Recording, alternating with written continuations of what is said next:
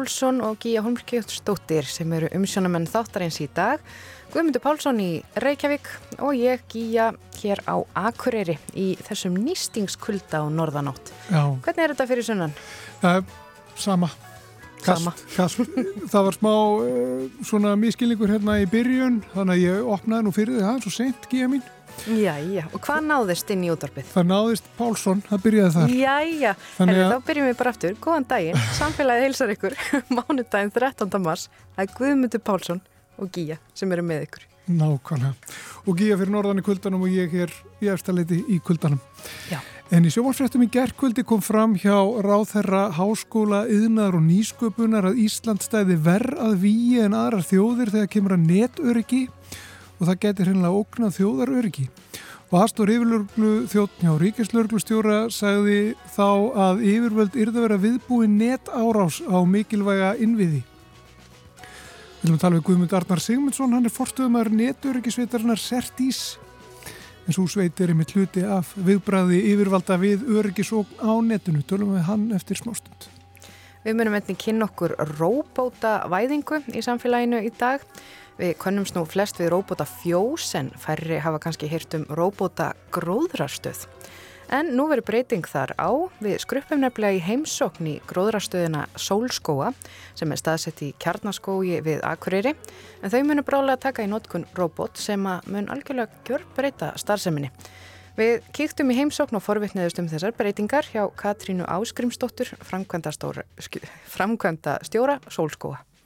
Svo fá við heimsók frá þjóðskjólasafni Íslands. Við höfum verið duglega við það undarfarið að ræða við þau um ímislegt sem tengist þeirra starfsemi og málfarsmínutan verður líka á sínum stað. En við ætlum að byrja á uh, netöryggi og hann er sestur hérna hjá mér Guðmundur Arnar Sigmundsson sem er forstöðumöður Sertís netöryggisveitarnar. Er velkominn til okkar. Já, takk fyrir það. Við sáum þess að frétt í gerðkvöldi þar sem að eh, kom fram hjá ráþæra að við stæðum okkur verð en aðra þjóður í, í það kemur að nettur ekki uh, og við þessu eru það bregðast. Uh, tekur undir þetta, eru við ekki standa okkur nú vel? Ja, svona hvað hva ímsa ánga þessa bransa, nettur ekki smála varðar er, mættu við standa okkur betur. En þetta er Þetta er rauninni viðtakari spurning en svo að það er hægt að segja bara að við, við stöndum á einhverjum einum stað í samaburð við aðra þjóðir. Hvað sömntvarar eru við bara hérna, standa okkur uh, bara að mínumandi og bara mjög vel og eins og ég sagði svo þurfum við að bæta í hvaðana varðar. Það er til uh, staðall sem að allþjóða fjarskiptarsambandið uh, gefur út uh, á tvekkjur og fresti. Þá fara þeir í svona rannsóknarvinni um stöðu neturökismála uh, innan allra aðeldalanda Eh, bara allra landa í heiminum og uh, gefa löndunum síðan ákveði svona skor og ráðherra er, er vantilega að veitna í stöðu okkar í, í síðustu úttekt allþjóða fjarskiptarsambandsins þar sem að þessi neturikis stöðull eða Global Cyber Security Index skilaði Íslandi í 58. sæti af öllum aðalöndum og meðan við erum að horfa á þessar þjóðir sem við erum venjulega að bera okkur saman við, þú veist, Norrlanda þjóðnar og svona þessar helstu vinnvetu vestrannu þjóðir, eru allar að rafa sér þarna í, í top 10, top 20 sætin. Og til samanburðar er svolítið áhugavert að sjá að, þessi sama stopnun í tíu, alþjóða fjarskiptasambandi er að e, skora Ísland í fyrsta sæti þegar það kemur á fjarskiptum. Að þeirra mati þá stöndu við allra þjóða best í tengingu almennings uh, og getur almenningslins að tengjast umheiminum í gegnum þessi netkerfi og símkerfi og svo framvegs. Þannig að já, að vera í 58. sæti er bara sterkur íspendingum það að við þurfum að taka til einhver staðar í, í, í okkar kerfum eða í okkar uh, nálgun á, á þennan málaflokk. Við erum þarna með uh, þjóðum, mörgum Afriku þjóðum og það má alveg færa rauk fyrir því að, að setja neðarlega á þessum lista eigur líkur á að aðilar muni reyna kannski frekar við að, reyna, að brjótast inn í kerfi okkar heldur en hjá þeim sem að standa ofar vitandi það að þeir eru samkvæmt þessum mælikvarða að standa sér betur í þessum málflokki en við erum að gera. hins vegar er þetta viðtakari spurningu svo að það er bara hægt að segja já, Íslandi sé sæðin upp að Ísland sé bara í 58. sæti hvað allt varðar. Ég veit að bara sjálfur persónlót frá þeim tólum sem við höfum hjá neturikisveitinni sem höfum svona svolítið skilgrænt hlutverk að aðstóða rekstrar aðeila nöðsynlegra þjónustu eins og það kallað. Um, við gotum alltaf bara mikilvægu innviðinir á Íslandi. Um, með sín kerfi og með, með atvikaða meðaldun og fleira sem getur komið upp hjá þeim. Og í þessum tólum sem við höfum til þess að bera þau saman við um, kollega okkar til dæmis á Norrlöndunum þá, þá er, eru íslenskir mikilvægir innviðir í, að standa sér bara þokkulega vel. Þeir eru kannski ekki alveg á pari við normenn en, en þeir eru þarna í efstu sætum uh, þegar maður horfður til Európulandana þannig að það má alveg færa sterk rauk líka fyrir því að já, við erum að taka vel utan um mikilvæga innviðan okkar. Þar er þekking, uh, djúptæknileg þekking af málufloknum og, og menna fylgja stöðlegum uppsetningum og, og, og gera hlutina svona best practice í rauninni, bara nota bestu stala til þess að verja sín kerfi. En svo er hugtakið að um, netöryggismál miklu viðtakan en það. Og þá koma þessar spurningar sem að er tekið á í þessum, í þessum spurningalista frá allþjóða fjarskiptarsambatinu hvað er að gera varandi þjálfun og mentun það höfum við til dæmis ekki verið að sinna að neinu viti. Þetta e, til dæmis það sem að ráð þeirra bendur á í gær það, það er bara ekkert það er ekkert netöryggisnám á mastastígi í háskólum hér á Íslandi og það er verið að bæta úr því núna.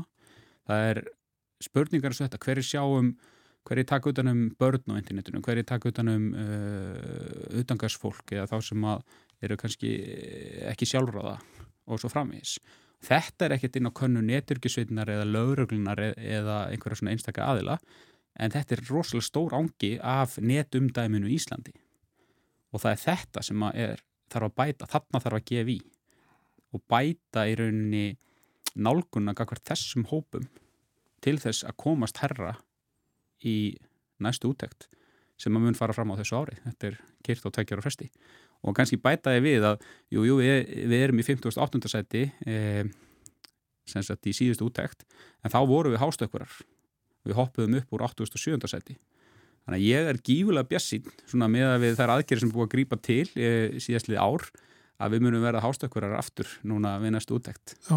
Veit ég hverju á að veðja. Já. Já.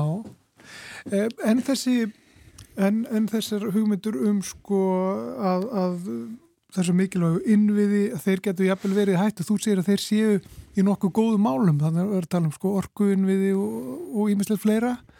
Um, er það svo? Er, þessi mál bara á nokkuð góðu róli? Og, og, og snýst, þetta, snýst þetta ekki einhverju um sko að verjast árásum sko, að verjast því að, að þessi hægt að lama hér kerfin eða hakka sig einhvern veginn inn í þau og skemma þau einhvern veginn innanfrá eða þess að það? Jú, jú, það, sko, það atvika meðanlinu og í rauninni þessi kerfisrekstur snýst um það, að reyna að lámarka getu allra til þess að brjótast inn í kerfi, til þess að skemma þau, breyta uh, gögnum eða taka gögn í svona gagnangíslatöku eins og það er kallað eða reynilega bara taka út þjónustuna. Þetta er svona þessar helstu árásir sem við erum að sjá á alla, alla aðeila líka mikilvæg innviði. Um, innan, það sem ég bara á við með þessu er að innan mikilvæg innviðina eru mjög öflugir rekstrar aðeilar mm -hmm. sem að eru að fylgja stöðlum uppsetningum og eru þar, þar að leiðandi að lámarka líkunar á því að hægt sé að brjótast inn til þeirra en það er aldrei hægt að segja að það sé ekki hægt það er bara að vera að gera mönnum erfi, erfitt fyrir uh, ef að einhver myndi takast að brjótast inn í kerfi svona inn, innri kerfi mikilvægur innviða þá tekur henni næsta, næsta skrefið að það þarf að la, sagt, lámarka viðbrastíman eða hámarka viðbröðin eftir hvernig við horfum á það mm -hmm. að vita hvað við ætlum að gera ef að hittið eða hinn eða þessi net árásinn uh, hérna, text, gagvað þessu mikið launni er, er menn fljótur að ná stjórn á kerfunum aftur uh, eiga menn afrit af öllum gögnunum, þarf að ná í afritin og spóla þeim tilbaka uh, er einhver leið til þess að hérna, finna hvaðan aðalinn kemur sem að otlega sér að var á bakveðis árás og, og fleira. Þetta er einhvern svona ferli sem tekur við þegar að aðvik eiga sér stað og atvik eiga sér stað reglulega út um allan heim og það líka hjá, hjá stórum löndum sem eh, eru ofar en við í, í, í þessum alþjóðlega samanbyrði Daniel lendu í, í stórum árásum á fjármálinviði bara fyrir svona mánuði síðan þar sem að fjármálastofnir og banka voru teknið niður bara í rauninni með því að það var rauninni bara tölvukerfi heimsins voru öll átinn farin á heimabankan á sömu sekundunni þannig að heimabankin bara réð ekki við fyrirspunnar rauninni var þetta engin árast, það var engin að brjótast inn en þetta var bara svona eins og álag, já bara allir íslendikar allir Costco núna klukkan 11 í dag. Já, það er og það var bara byrjuð, þá kemst engin inn. Þetta er bara þjóðfundurinn á hérna, já, það er já Já, þú ert að tala um hérna Þegar við ætlum öll upp á Þingvöldi 50 ámæli lífildisins 1994 á, á Þingvöldi Já, það var mjög skemmtilegur Margir sem ætlaði á sama tíma. Akkurat, en hvað er þá hvað er þá mikilvægt svona þegar, þegar þessu umræði farin að stað einhvern veginn núna, það tala um þjóðaröryggi það tala um mikilvæg innviði það tala um mentun hvað er mikilvægt að, að gerist þá núna þegar svona, þessu umræði er, er í gangi og auðvitað hefur hún verið í gangi lengi. Já, já, og þá, sko, þessuna er ég svona Mér líður vel með, með hana málflokka því það er verið að gera uh, margt og mikið jákvætt í þessu málflokki. Uh, eftir að niðurstan lág fyrir síðasta mati frá alþjóða fjarskiptarsambandinu þá komi ákveðinu svona veikleikar út úr þeirri greiningu og, og í framhaldi uh, byrti íslensk, byrti íslensk stjórnvöld stefnu um neturíkismál til næstu 15 ára. Þetta er bara plagg sem hættir að nálgast á netinu geysi skemmtileg lesning. Mm -hmm. og hérna 15 ára netur ekki stefna en alltaf kannski svolítið um, ég að bratta alltaf á alltaf hvernig tækning verður eftir 15 ár. Já, ef þú fer 15 ár núna aftur í tíman hefur þú treystir til þess að spá fyrir það sem ég hef ekki spá fyrir um gerfitunglin og alla þessar samfélagsmiðla og allt þetta sem að leikur fyrir núna. Nei, og starlík sem við tölum um já, Nei, ég hef ekki séð það fyrir þá. Uh, en út úr þessar áallin þá er, það er allavega einhver svona, einhver svona sín um það hvert við ætlum að stefna og hvar við ætlum að vera í þessum alþjóðlega samanbyrði og þessi 15 ára áallun sem var unnin í náinni samvinnu við uh, flest fyrirtækja markaði sem að málið varðar að einhverju leiti uh, hún er byrt og síðan upp úr því er unnin svo kvöldu aðgerrar áallun og út úr þessar aðgerrar áallun sem var kláruð snemma árs í fyrra komu 63 ára eða fjórar skilgrindar aðgerir uh, sem að dreifist yfir margastofnanir og næstu öllar áðunetin og eru bara byrjaðir í framkvæmt og ekki bara að búa skilgrinnar heldur uh, eru þær að fullu fjármagnar líka.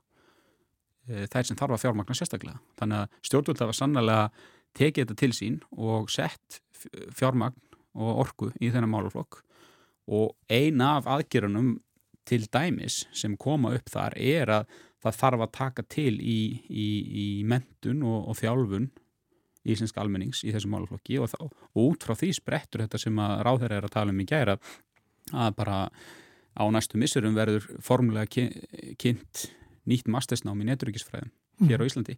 Og það er ekki bara ótrúlega stertur í markaðina því að það er mikil vöndun á fólki með þessa sérfræðaþekkingu heldur er það líka svona tjekk í bóksið hvert alltaf er feskitasamöndinu pluss einni kladdan Já, kannski tvö, upp. um tvö seti kannski upp um tvö seti Við veitum að við ætlum að fara að ljúka þessu. Guðmundur Arnar Sigmundsson fórstuðum að Sertís Netörgis Sveitarnar Gaman að fá það heimsótt, takk fyrir komuna. Takk, takk.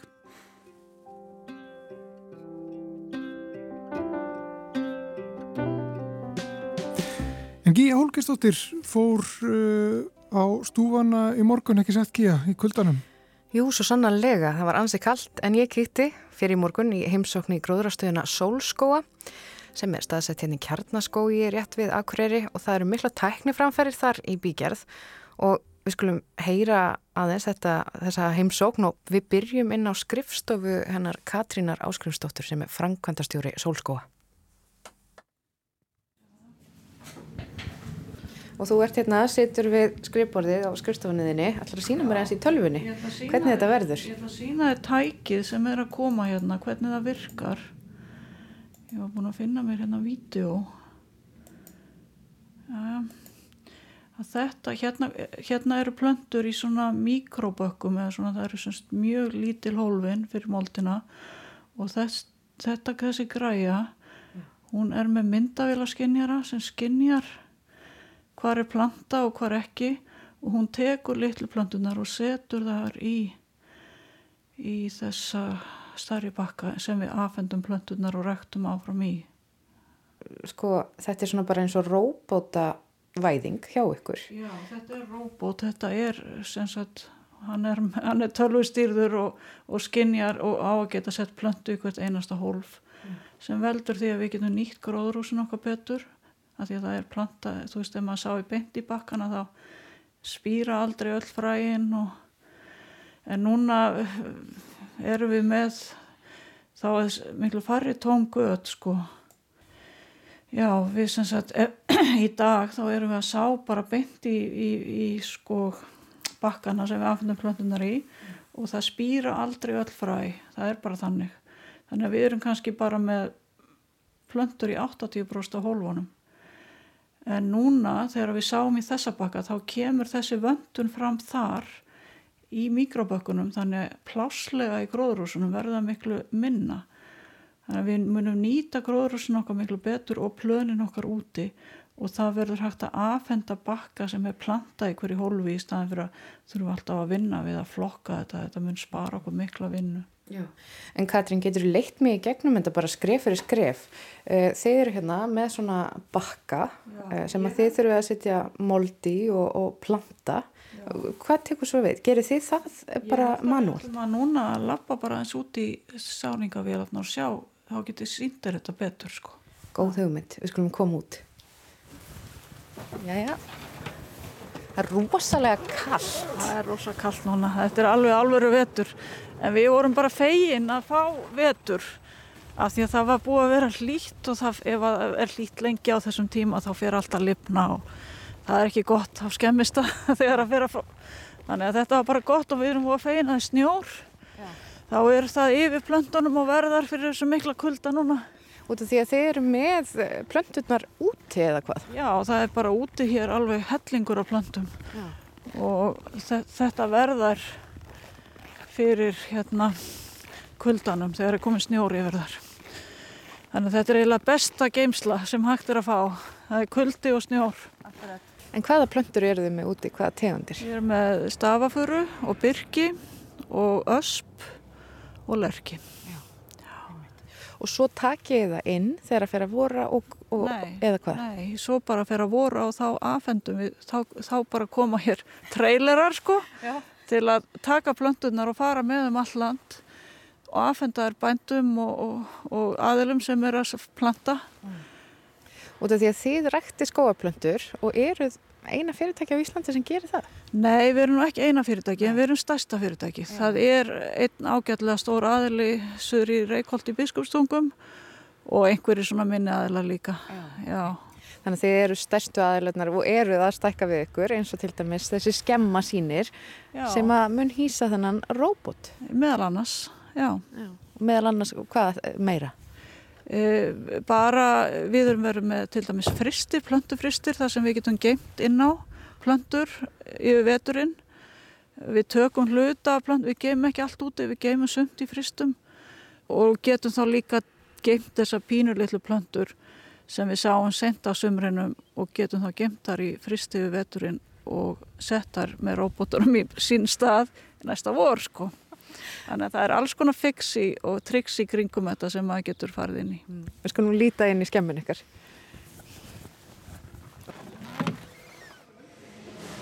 Góðan daginn. Daginn.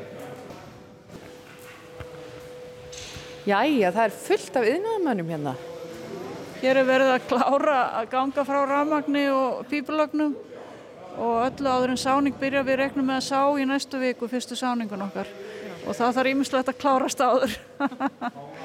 sko, nú er þetta ansið hrátt hérna, uh, en, en uh, þetta er stærðarinn að skemma. Hvað er þetta stórt? Þetta eru tæplað 1000 fermetra að skemma og þar hafum við 150 fermetra fristir sem er hérna.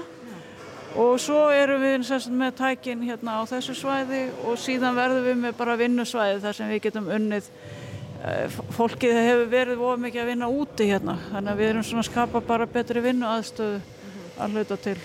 Uh, Katrín, það eru svolítið lætið hérna, en síngdu mér rétt svona bara róbotinn og, og hvernig þetta er allt hugsað, áður en við kannski förum aftur út og höfum róleira kringum okkur. Róbotinn sjálfur er ekki hérna á staðnum, Nei. en þetta er svona við að það koma hér einn tómi bakkar í stæðum, þessi vél tekur það í sundur þannig að það fyrir einn og einn, svo fara þeir hérna inn og þeir eru sóttrensaðir og svo er þarna fyllingavél og síðan sem sagt núna ætlum við bara að sá þannig að þá fara bakkarnir bara hér og inn í sáningavélarna sem eru hér. Og koma út og við, við rauðum þeim út en síðan þegar þær plöntur verða átna nógu stórar þá tökum við þar aftur inn hér og fyllum, fyllum mold í bakka og, og það kemur þá hér kemur síðan robot sem að sem sagt, þessar litlu plöntur eru færðar yfir í, í þessa bakka Sko, hérna, þetta er svona eins og U, uh, þessi, þetta færiband í rauninni, þessi bakkarnir færast um Já. og svo hérna í miðjunni á U-nu, þar verður þessi roboti. Sko, hvað getur þið framleitt miklu meira af blöndum þegar þetta verður komið í gagnir? Við erum að vonast til að við getum auki framleiðsluna um svona 20% Já. og jáfnveil meira. Við vitum ekki alveg hvað við getum. Þetta er náttúrulega nýtt og þetta er fyrsta sinn hér á landi sem að einhver er að gera, þannig að þetta er svona Já, þetta er nýjung og við e, vitum ekki hvað við getum farið hátt. þetta er alveg glæsilegt. Katrin, við skulum koma út út af því að þeir eru nú með líka sumarblóm og ímislegt í gróðurhúsum vantarlega, er það ekki? Já, jú, jú, það er allt farið að lifna og það er löngu búið að sá. Já, já, já, við skulum kíka þangað. Já.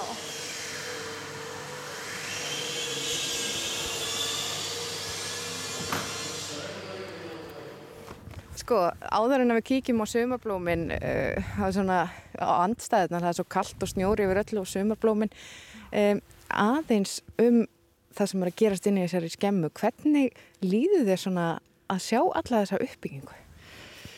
Það er svona bæði spenna og kvíði því að þetta er náttúrulega mjög spennandi að vera stattur á þessum tímum þar sem að skórakt er í svona miklu uppbyggingu og það er svona eftirspurn eftir plöntum og Þannig að það er mjög spennand að vera upp á þeim tímum og takast á við það að, að skaffa meiri skó og meiri plöndur. Þannig en auðvitað er margt sem þarf að ganga upp og, og það er svona margt nýtt sem maður er að takast á við og það er alltaf áhætta í öllu svo leiðs. Aðeins bakgrunnurinn ykkar, sko fyrirtækið var stopnað fyrir austan eða ekki? Jú, við, það er svona allir ekki 33 ár síðan að við byrjuðum. Við vorum lengst að mjög lítið fyrirtæki, bara pínu lítið. Ja og vorum í öllu fyrir austan, þú veist hvernig þetta er að vera út á landi og í litlu samfélagi þá reynum maður að gera alls konar, maður slæðir gardana og, og plantar í, og gerir allt sko. Og við vorum þannig bara lengst af. Svo, svo var það hérna 2007 sem að þetta var orðið þrótabú hérna, við keftum þrótabú þessa gróðrastöðu og þá tókum við hér upp og þá náttúrulega hér er starri markaður og meirum að vera og þið komið hinga 2007 og síðan hefur bara fyrirtækið vaksið og, og, og þú sagðir að, að, að eftirspurnin eftir skóarplöntin til dæmis hefur aldrei verið meiri. Hver er útskýringin svona á því að, að eftirspurnin er alltaf aukast? Já, við náttúrulega reyndar, það var þannig að við komum hérna 2007 og erum að byggja hér aðeins upp 2007-2008 og svo kemur hröðun. Mm.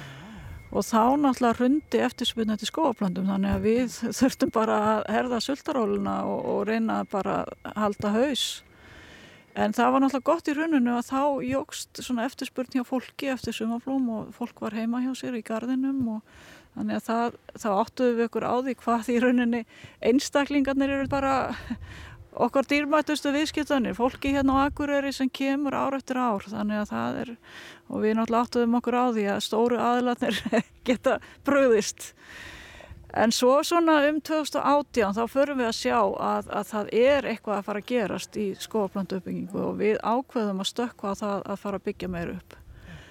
Og það er þessi kólefnisjöfnun sem er eh, svo mikilvæg, sem að fólk hefur trú á og það er það sem er að gerast bæði hjá fyrirtækjum og, og ríkinu og, og félagsamtökum að það vilja allir rækta skó og tryggja betri heim Og þessi róbótavæðing ykkar sem er já, bara nýtt að nálinni hérna á Íslandi, það hefur enginn farið í svona uppbyggingu áður, uh, mun stuðla að 20% uh, meiri framlæslu getur hjá ykkur?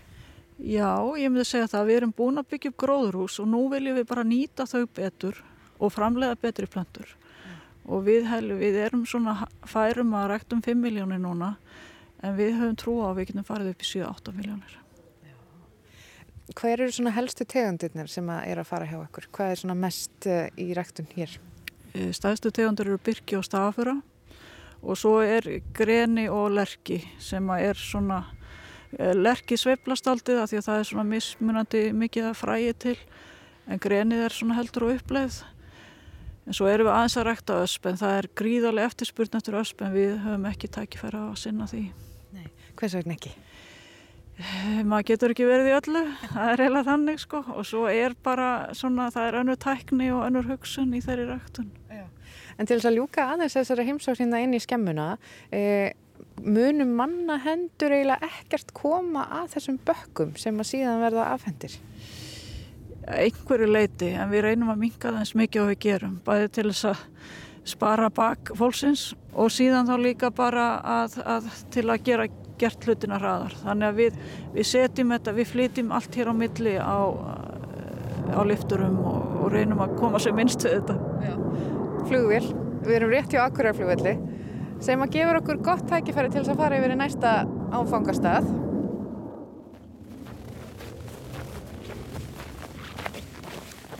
Myndur ekki segja að þetta sé algjör púður snjór sem að liggja núna hérna yfir? Jú, það fylgir kuldanum.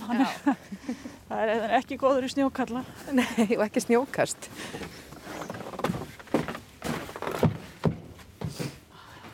hér er nú öllu svona hlýra. Algjörlega sko og hér er að koma vor. Já. Það er nú reyndar hérna að því að við erum að byggja þá er þetta hluta til svona geimsla þannig að úir og grúir er alls konar dóti Já. en eftir því sem við færumst hér innar þá, þá er að koma meira sumar og hér erum við að er alltaf að koma í sumablómanu, hér eru stjúpur og alls konar blóm að verða til undir ljósum. Já er gaman að, að, að, svona, að byrja eiginlega sömari svolítið á undan öllum öðrum með því að rekta upp þessar sömarblöndur? Það er eiginlega bara, þetta er mjög spennandi tími, mass og apríl, það er kallt úti en það er sömar hérna inni og bara bjart og heitt, þetta er svolítið bara eins og að vera í sólinni, útlandum Já. Og allt grænt, það er bara eitthvað sem gerir fyrir manneskun að horfa á grænt, þannig að þetta er mjög gott fyrir sálina. Eh, hvað er þau með margt fólk í vinnu? Við erum 14 núna, verðum sjálfsagt svona 20 í sumar eða kannski rúmlega það. En svo veit ég ekki alveg við sjálfsagt okkur fækkar kannski aðeins þegar ekki, þessi nýja tækning kemur en þetta er svona cirka bátstærð vinnustæðasins. Og hvað eru gróðurhúsin mörg sem að þið eruð að, að hérna, rækta til dæmi sumablóm og annað? Við erum með, eh, allir við séum ekki með svona sex gróðurhús, þetta er svona cirka þúsund fermetrar sem við erum með í garplöndunum, með semst runnunum og og, og sumablómanum allir því. En svo erum við með sjálfsættina 7000 fermetra fyrir skóaplannar Mun það svona mögulega bara taka yfir uh, reksturinn ykkar, er það kannski svona framtíða sínin? Ég held að við verðum alltaf að halda eitthvað í garflandunar af því að það skiptir okkur svo svakalega miklu máli að hafa góð tengsl við bæin og fólkið hérna. Og ef við myndum alveg hætti þessu það er eiginlega bara ekki hægt. Það er hérna búin að vera gróðrastöð síðan 1947 og það er mjög mikil hefð hjá mörgum að koma hér og, og á vorin og, og versla. Þannig að ég held að það er því ekki gott fyrir okkur að einhvern veginn bara taka það í burtu. Þannig að ég held að það sé bara rosa mikilvægt að halda í þetta. En hvernig við gerum það er annar mál hvað við erum með mikið úrval og allt það. Það er annars af en við, þurfum að þjóna þessum bæ. Það er bara okkar skilda finnst mér. Mm -hmm. Aftur að róbotunum því að þetta er svo ótrúlega áhugavert. Um, hvenar munið þið byrja að starfrækja róbotin? Í mæ hann verður settur hér upp í næsta mánuði líklega eða í byrjun mæ og þá e, verður honum já, verður öllu startað. Já. Og þú sagði að hann væri myndavélastýrður þá getið þið bara setið uh, inn á skrifstofu og hort á róbótinn og vantarlega fengið einhverja meldingar um ef eitthvað vilja er eða eitthvað. Já, það verður náttúrulega alltaf einhver yfir öllu batterið, sko, það, það geta í rauninu 1-2 verið með alla vélarsamstæðuna og séð um þetta, sko. Þannig að það hefur við náttúrulega eftir að læra á, en þetta er náttúrulega sparar mjög mikla vinnu og, og bara eigur allt öryggi í framleyslinu, held ég. Hvað er þið búin að vera með þetta lengi í bíkjarð? Hvað tekur svona langan tíma að ákveða að verða róbóta gróðrastöð þanga til að þetta er komið í framkvæmt? Það eru þrjú ár síðan að við byrjuðum að hugsa um þetta. Eða þrjú, fjögur. Já, við, við, við erum svolítið að herma eftir normunum. Normun hafa verið að taka þetta upp og við höfum farið út og séð það og fylgst með því hvernig þetta gengur hjá þeim og sannfast um að þetta sé framtíðin. Uh, og hvernig var svona að fara úti á gróðrastöðunar úti og sjá þetta allt saman? Bara mjög spennandi að það séu svona nýjar leiðir til þess að gera hlutina betur að það sé ekki bara að byggja fleiri gróðrús heldur sé hægt að bara að vanda sér betur og taka upp nýja tækni og þetta er heldur líka bara spennandi fyrir nýja kynslu að, að koma í, inn, inn í svona fyrirtæki sem er svona með tækni það er meira spennandi fyrir unga fólkið því að sko þegar mann hugsa um gróðrastöð þá er voðalega mikið bara puð og, og vögun með slöngu og eitthvað sem mann sjá fyrir sér mm. en það er mjög margt að gerast í þessu Já. Eh, Katrín, robotin verður tekinn í gagnið í mæ hjá ykkur. Já. verður stór veistla og verður fólki búið að koma og skoða át af því að þetta er nú svolítið merkilegt? Ég bara hef ekki fann að hugsa það. Maður einhvern veginn hugsa bara eitt skref í einu í þessu allt gangi upp. En ég held að verði spenningur fyrir að fá að fylgjast með og sjá þetta í notkun. Þannig að við sjáum til. Takk fyrir að taka mótið mér Katrín Áskrimsdóttir og gangi ykkur vel. Takk fyrir það og takk fyrir að koma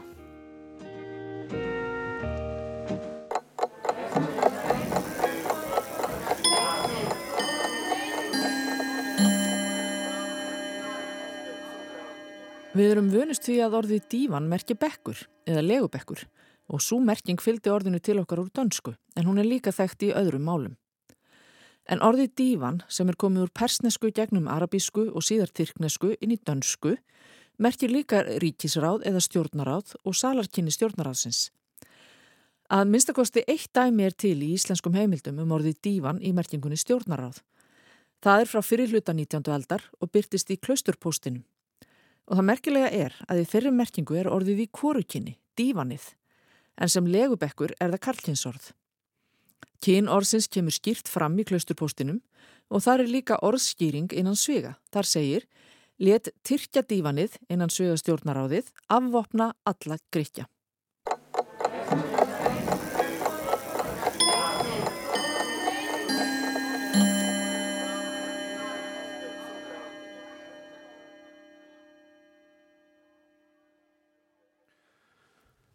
Völdum áfram hér með samfélagið og eins og uh, ofta á mánudugum þá ætlum við að kynna okkur starfsemi þjóðskjálasaps Íslands og við höfum nú farið þangað í, í heimsóknir og fengið að skoða ímislegt og fræðast um eitt og annað. En núna er hinga komin Unnar Ingvarsson, fagstjóri stafrætnar endurgerðar hjá þjóðskjálasapni Íslands. Um, fagstjóri stafrætnar endurgerðar þú ert aldrei í því að taka skjöl sem er í safninu, er það ekki? Já. Og færa þau yfir á stafnarsform. Akkurát, þetta er mjög flókið orðið yfir einfaldan hlut, sko. Hérna, þetta er tiltölu að nýtt stöðu heiti, þannig að ég er ennþá áttum að þessu, hérna, en, en í grunninn á fælstedi því að taka eldri skjöl á pappir og gera þau aðgengilega á netinu stafrænt. Já, og þetta hlýtur að vera mjög stort verkefni. Já, þetta sko ástafan fyrir því kannski að þetta er, þetta er, svona, þetta er nýtt áhersluverkefni hjá safnu og, og við viljum uh, stíga stór skref í þá átt að gera stóran hluta af safnkostinum stafrannan.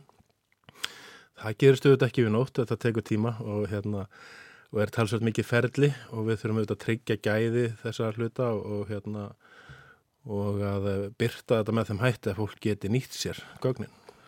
Já, Og hvaða gögn eru þetta? Er þetta, eru þið með eitthvað svona, er eitthvað forgámsröðun á, á gögnum? Er stjórnarskráin og það fyrst? það er nú ekki búið að, jú það er náttúrulega tilstafrönd intakað henni, en nei, ja, það er forgámsröðun, já, sko, sko svona förum að þessi gegnum þessa sögu þá síðustu árum hefur verið, hefur þjóðskjálfsamna verið í samstarfi við uh, fyrirtæki sem heitir Family Search, það er bandarist fyrirtæki sem að sapnar upplýsingum um fólk og uh, stór hlut af því sem hefur verið skannaður og byrtur uh, hjá okkur er, er unniðin í samstarfi við þetta fyrirtæki. Uh, það er einfallega út af því að við höfum ekki haft fjármæk til þess að ráða okkar eigið starfsfólk í verkið. Uh, og þetta er ágætt samstarf. Og þannig að áherslan hefur verið lögð á personaheimildi sem hendar okkur ágætlega. Og það eru gögnir svo kirkjubækur, það eru prestjónustubækur og sóknamantöl og mantöl og dómabækur og, og hérna svo framvegð sem tengir svona persónum meira. Þannig að það, það er áherslatriðið eh, sem hefur verið uh, á síðustu árum og verður í sjálfsver við erum auðvitað sko þegar við erum að setja upp svona forgangsröðun þá erum við að hugsa um ákveðna hluti. Uh, við erum að hugsa um hvað er mikið nótkunn á þessum gögnum vegna þess að við erum að slá margar flugur í sama högginu með því að skanna og byrta hluti þannig að kirkjubækur til dæmis, sóknamatölu, prestjónstubækur þetta hefur verið gríðalega mikið notað í safnunu e, núna er hægt einfallega að fara á netið fara og skoða vefsjá kirkjubóka og þá er hægt að sjá bækurnar þar og leitið þar. Og e, þetta sem getur maður séð með því að fara inn á heimildir.is sem er önnur á tveimur, svona, tveimur vefseturum okkar og, og einfallega hægt að velja viðígandi prestakall og síðan velja bók einhverja, einhverja, einhverja bók hérna. og þá komi, kemur upp mynda henni og þá þarf fólk ekki að gera sér ferð á safni þá þarf ekki að e, fletta bókinni og, og hérna, þannig að það sparar margt. Já, og við erum núna með þetta fyrir framann okkur hérna. Já. Við vorum að opna þetta með að segja okkur frá þessu. Og, og þetta eru, hér eru bara, hér er bara, eru kirkibækur, þetta er sem sagt. Þetta eru fæðingar 1880 í, í fermdir, já, í einhver starf. Já. Ég... Og, og þetta er náttúrulega það sem ættfræðingar hafi verið að nota greiðlega mikið og mikið, mikið notað því í þannig rannsóknum og hérna, síðumúla kirkjusóknarbók. Já. Já. Akkurat, þannig að allar, allar svona bækur til uh, ársins 1972 þegar mm. það er 50 ára lókun á þessum gögnum eru sem komna á netið. Þannig að fólk getur skoða þetta alls saman ef það er eldra en 50 þá er von til þess að þeirra fæðing ef fólk hefur verið í þjóðkirkjuna sé þarna skráð. Er þetta lók, þetta eru lóku gögn í 50 ár? Já. Það eru, það eru er ástæða fyrir því? Já, já, þetta eru viðkomar persónu upplýsingar það er fæst já, já, já. Það, það, það er það. Það er sérstaklega að tekið fram í lögum að, að þessi gögn eru 50 ára lókun á. Mm -hmm. í öðrum gögnum þess að koma fram nöfn persónu þess að þá er 80 ára lókun á þeim gögnum.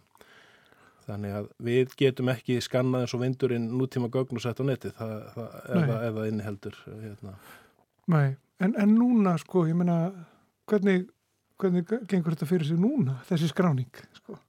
Já, það er... Það er manntal, þú þarf ekki kirkjuna til þess að halda þetta náða. Nú hefur það breyst, þannig að við erum hægt að vera í þjóðkirkjuna og þá er það okkar ofnböru stofnarnir sem að sjá til þess að þetta sé skráð, þess að þetta er komið úr höndum presta. Og það er ekki skrifað með hérna, nei, penna í penna, bók? Nei, nei, það er sennilega ráðrendurð, þannig að það er það. Það sem að sko er svolítið skemmtilegt og er að gerast í þessum bransa í dag að, að sem maður hefði ekki trúa fyrir nokkrum árum að nú eru komin upp tækni til dæmis til að lesa handskrift rafrænt.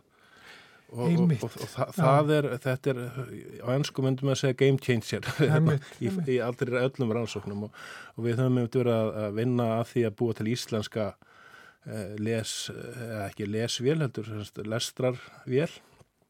Og hérna í samstarfi við aðrar eh, hugvistastofnur á Íslandi. Mm. og vonandi á næstu árun getum við gefið fólki aðganga því og þá getur það sett inn tekið myndir til dæmis frá okkur eða bara úr enga safni sínu sem það getur ekki lesið lengur og sett inn í þetta kerfi og fengið það stafruna text át úr því. Það verður ekki 100% en hann verður nógu góður til að sé þetta skilja. Já en nú, nú er sko uh, nú er skriftfólks mjög mismunandi. Já, já, já. Og, en það er, það er, já, þetta er orð, þessi tæknir orðin býstna góð? Já, við höfum verið að pröfa þetta núna í ár. Já, einhverju góði læknar sem að prófa? Við höfum ekki farið í læknarna þá sko. Einhverju dagbækur? Við höfum verið meira í 18. öld og 19. öld hérna, það er nú allavega skrift þar og allavega stafa, sko, stafsetning var bara einhvern veginn sko, sem flækir málið. Ef við höfum alltaf, sko, alltaf sömu stafsetningum, sko, þá erum við á ágættum stað í lífinu. En, en uh, hérna, þetta virðist virka, já, Góð, ég hef ekki trúið því en það virðist virka. Já.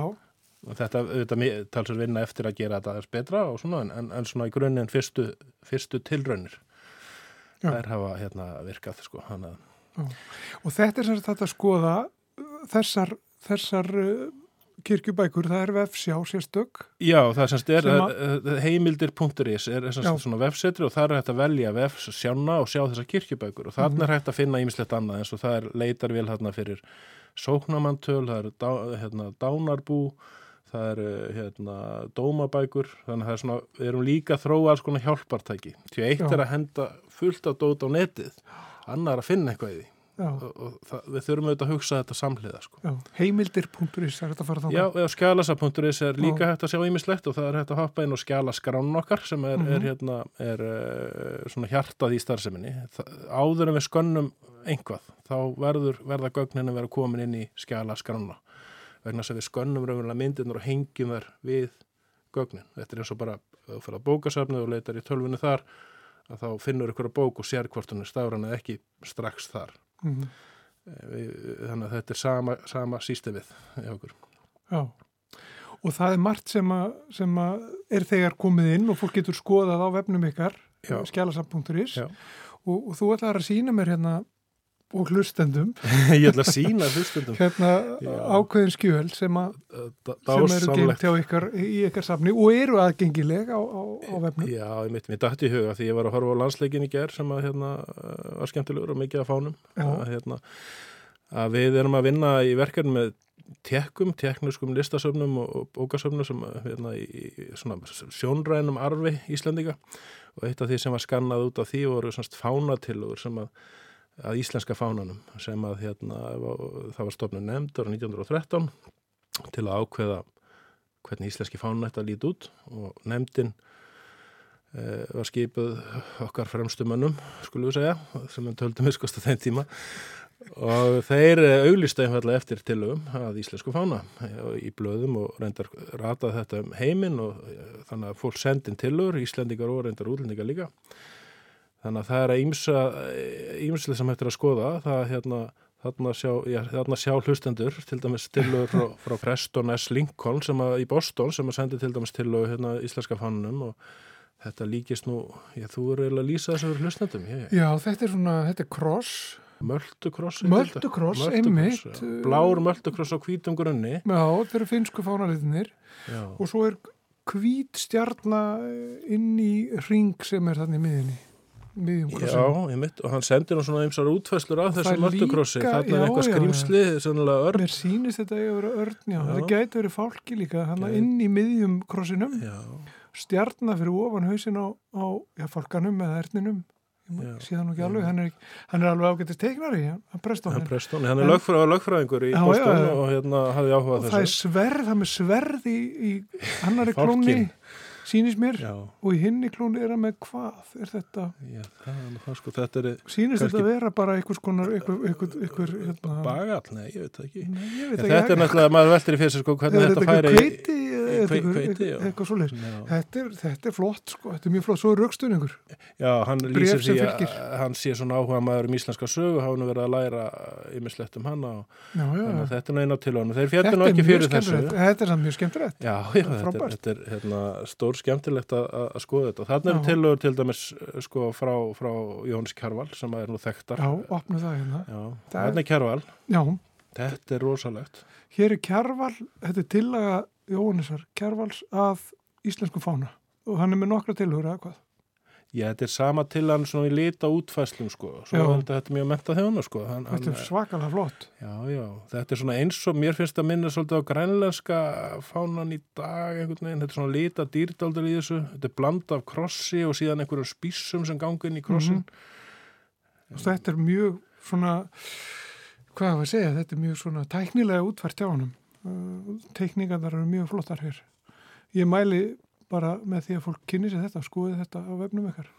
Já, svo, náttúrulega er þetta að sjá skjalaskránna og sannst svo- tillöguna sem að var síðan valinn.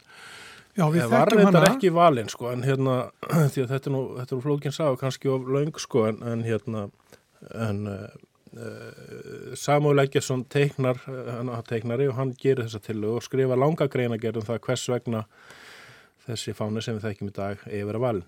Mm.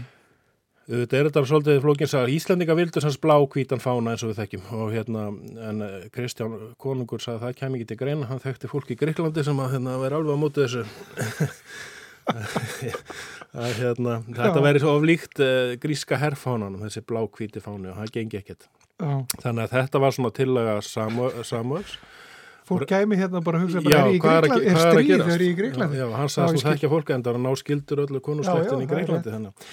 En hann minnskosti, hérna, hann leist ekki á það, þess vegna erum við að fara í þessa vinnu og það sem er svolítið skemmtilegt er það að Mattias Þórðarsson þjóðminnaverður situr í nefndinni, fánunemndinni, hann hafði komið til og að íslenska fánunum miklu, miklu fyrr þessum sem við þekkjum, 1905.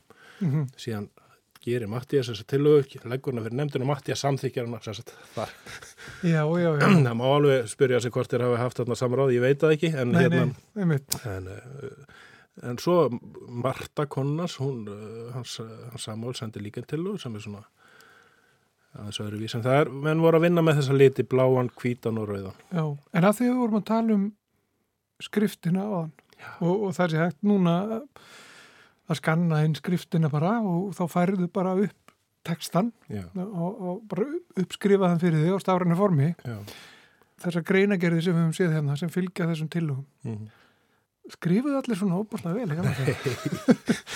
Nei. Þetta eru falleg, skrif. Samuel var, falleg rítvand. Þegar við erum með Samuels, skriftin Samuels fyrir framann okkur, hann náttúrulega var með einstaklega fallega rítvand og auðvelt að lesa þetta. Já. En að vísa það þannig í dag að, að sama hvað skrift, tengiskrift er falleg og góð, mm -hmm. að það fólk, ungt fólk í dag á erfitt með að lesa hana. Þannig að við erum svolítið farin að týna því bara, það, það, að, að, að fólk geti lesið, jafnvel mm. svona góða skrift. Já. En þetta er fallegt og ég, ég mæli með því að fólk skoða þetta þó ekki sinum og bara til að sjá þessa fallegu rítönd Samúls Egerssonar. En þetta er auðvitað bara pínliti brota því sem við erum að, við erum að byrta Já. og erum eitt í tengslu með þetta verkefni og semst á síðast ári þá voru skannað og byrt eh, kringu 250.000 eh, myndir úr safnunu.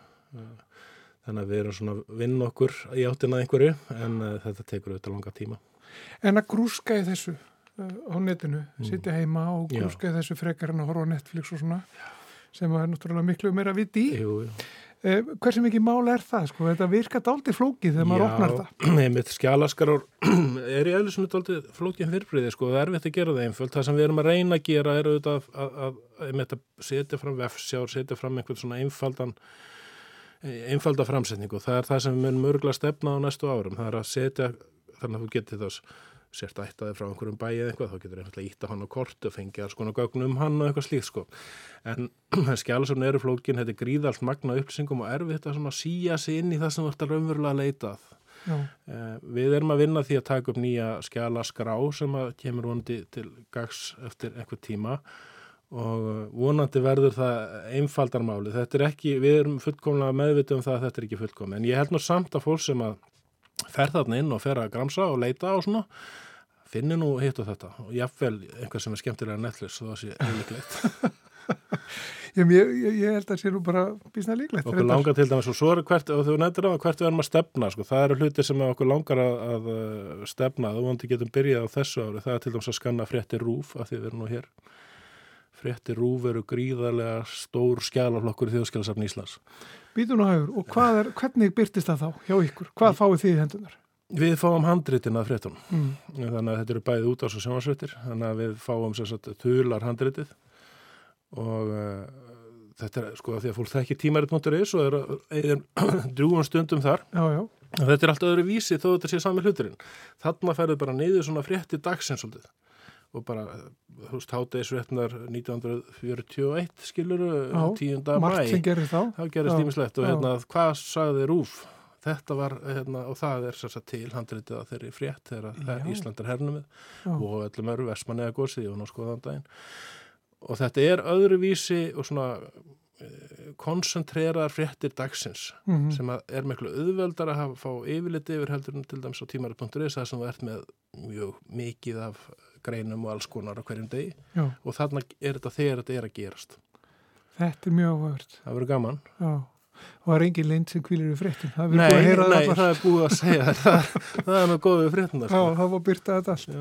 Við viljum að ljúka sér svona, Unnar Ingvarsson eh, fagstjóri stafrætnar endurgerðar hjá, hjá þjóðskjálasafni Íslands. Mjög gaman að fá því heimsókn og við bendum fólki á þetta. Kíkja á þetta, kíkja á, á skjálasafn.is og skoða þessar skjala skrár sem eru þar og uh, kíkja líka á heimildir.is yeah. það er að skoða ímislegt líka. Uh, ekki, ef þið farið á heimildin.is þá fáið þið rannsóknarblæðamenn sko, þetta er ekki það sama. Heimildir.is kíkja á það, Takk fyrir komuna Já, takk fyrir mig. Já, Og þar með komið að lokum í samfélaginu í dag. Guðmundur Pálsson og Gíja Holmgjörnsdóttir þakka fyrir sig. Við verðum hér aftur á morgun en þanga til. Verðið sæl.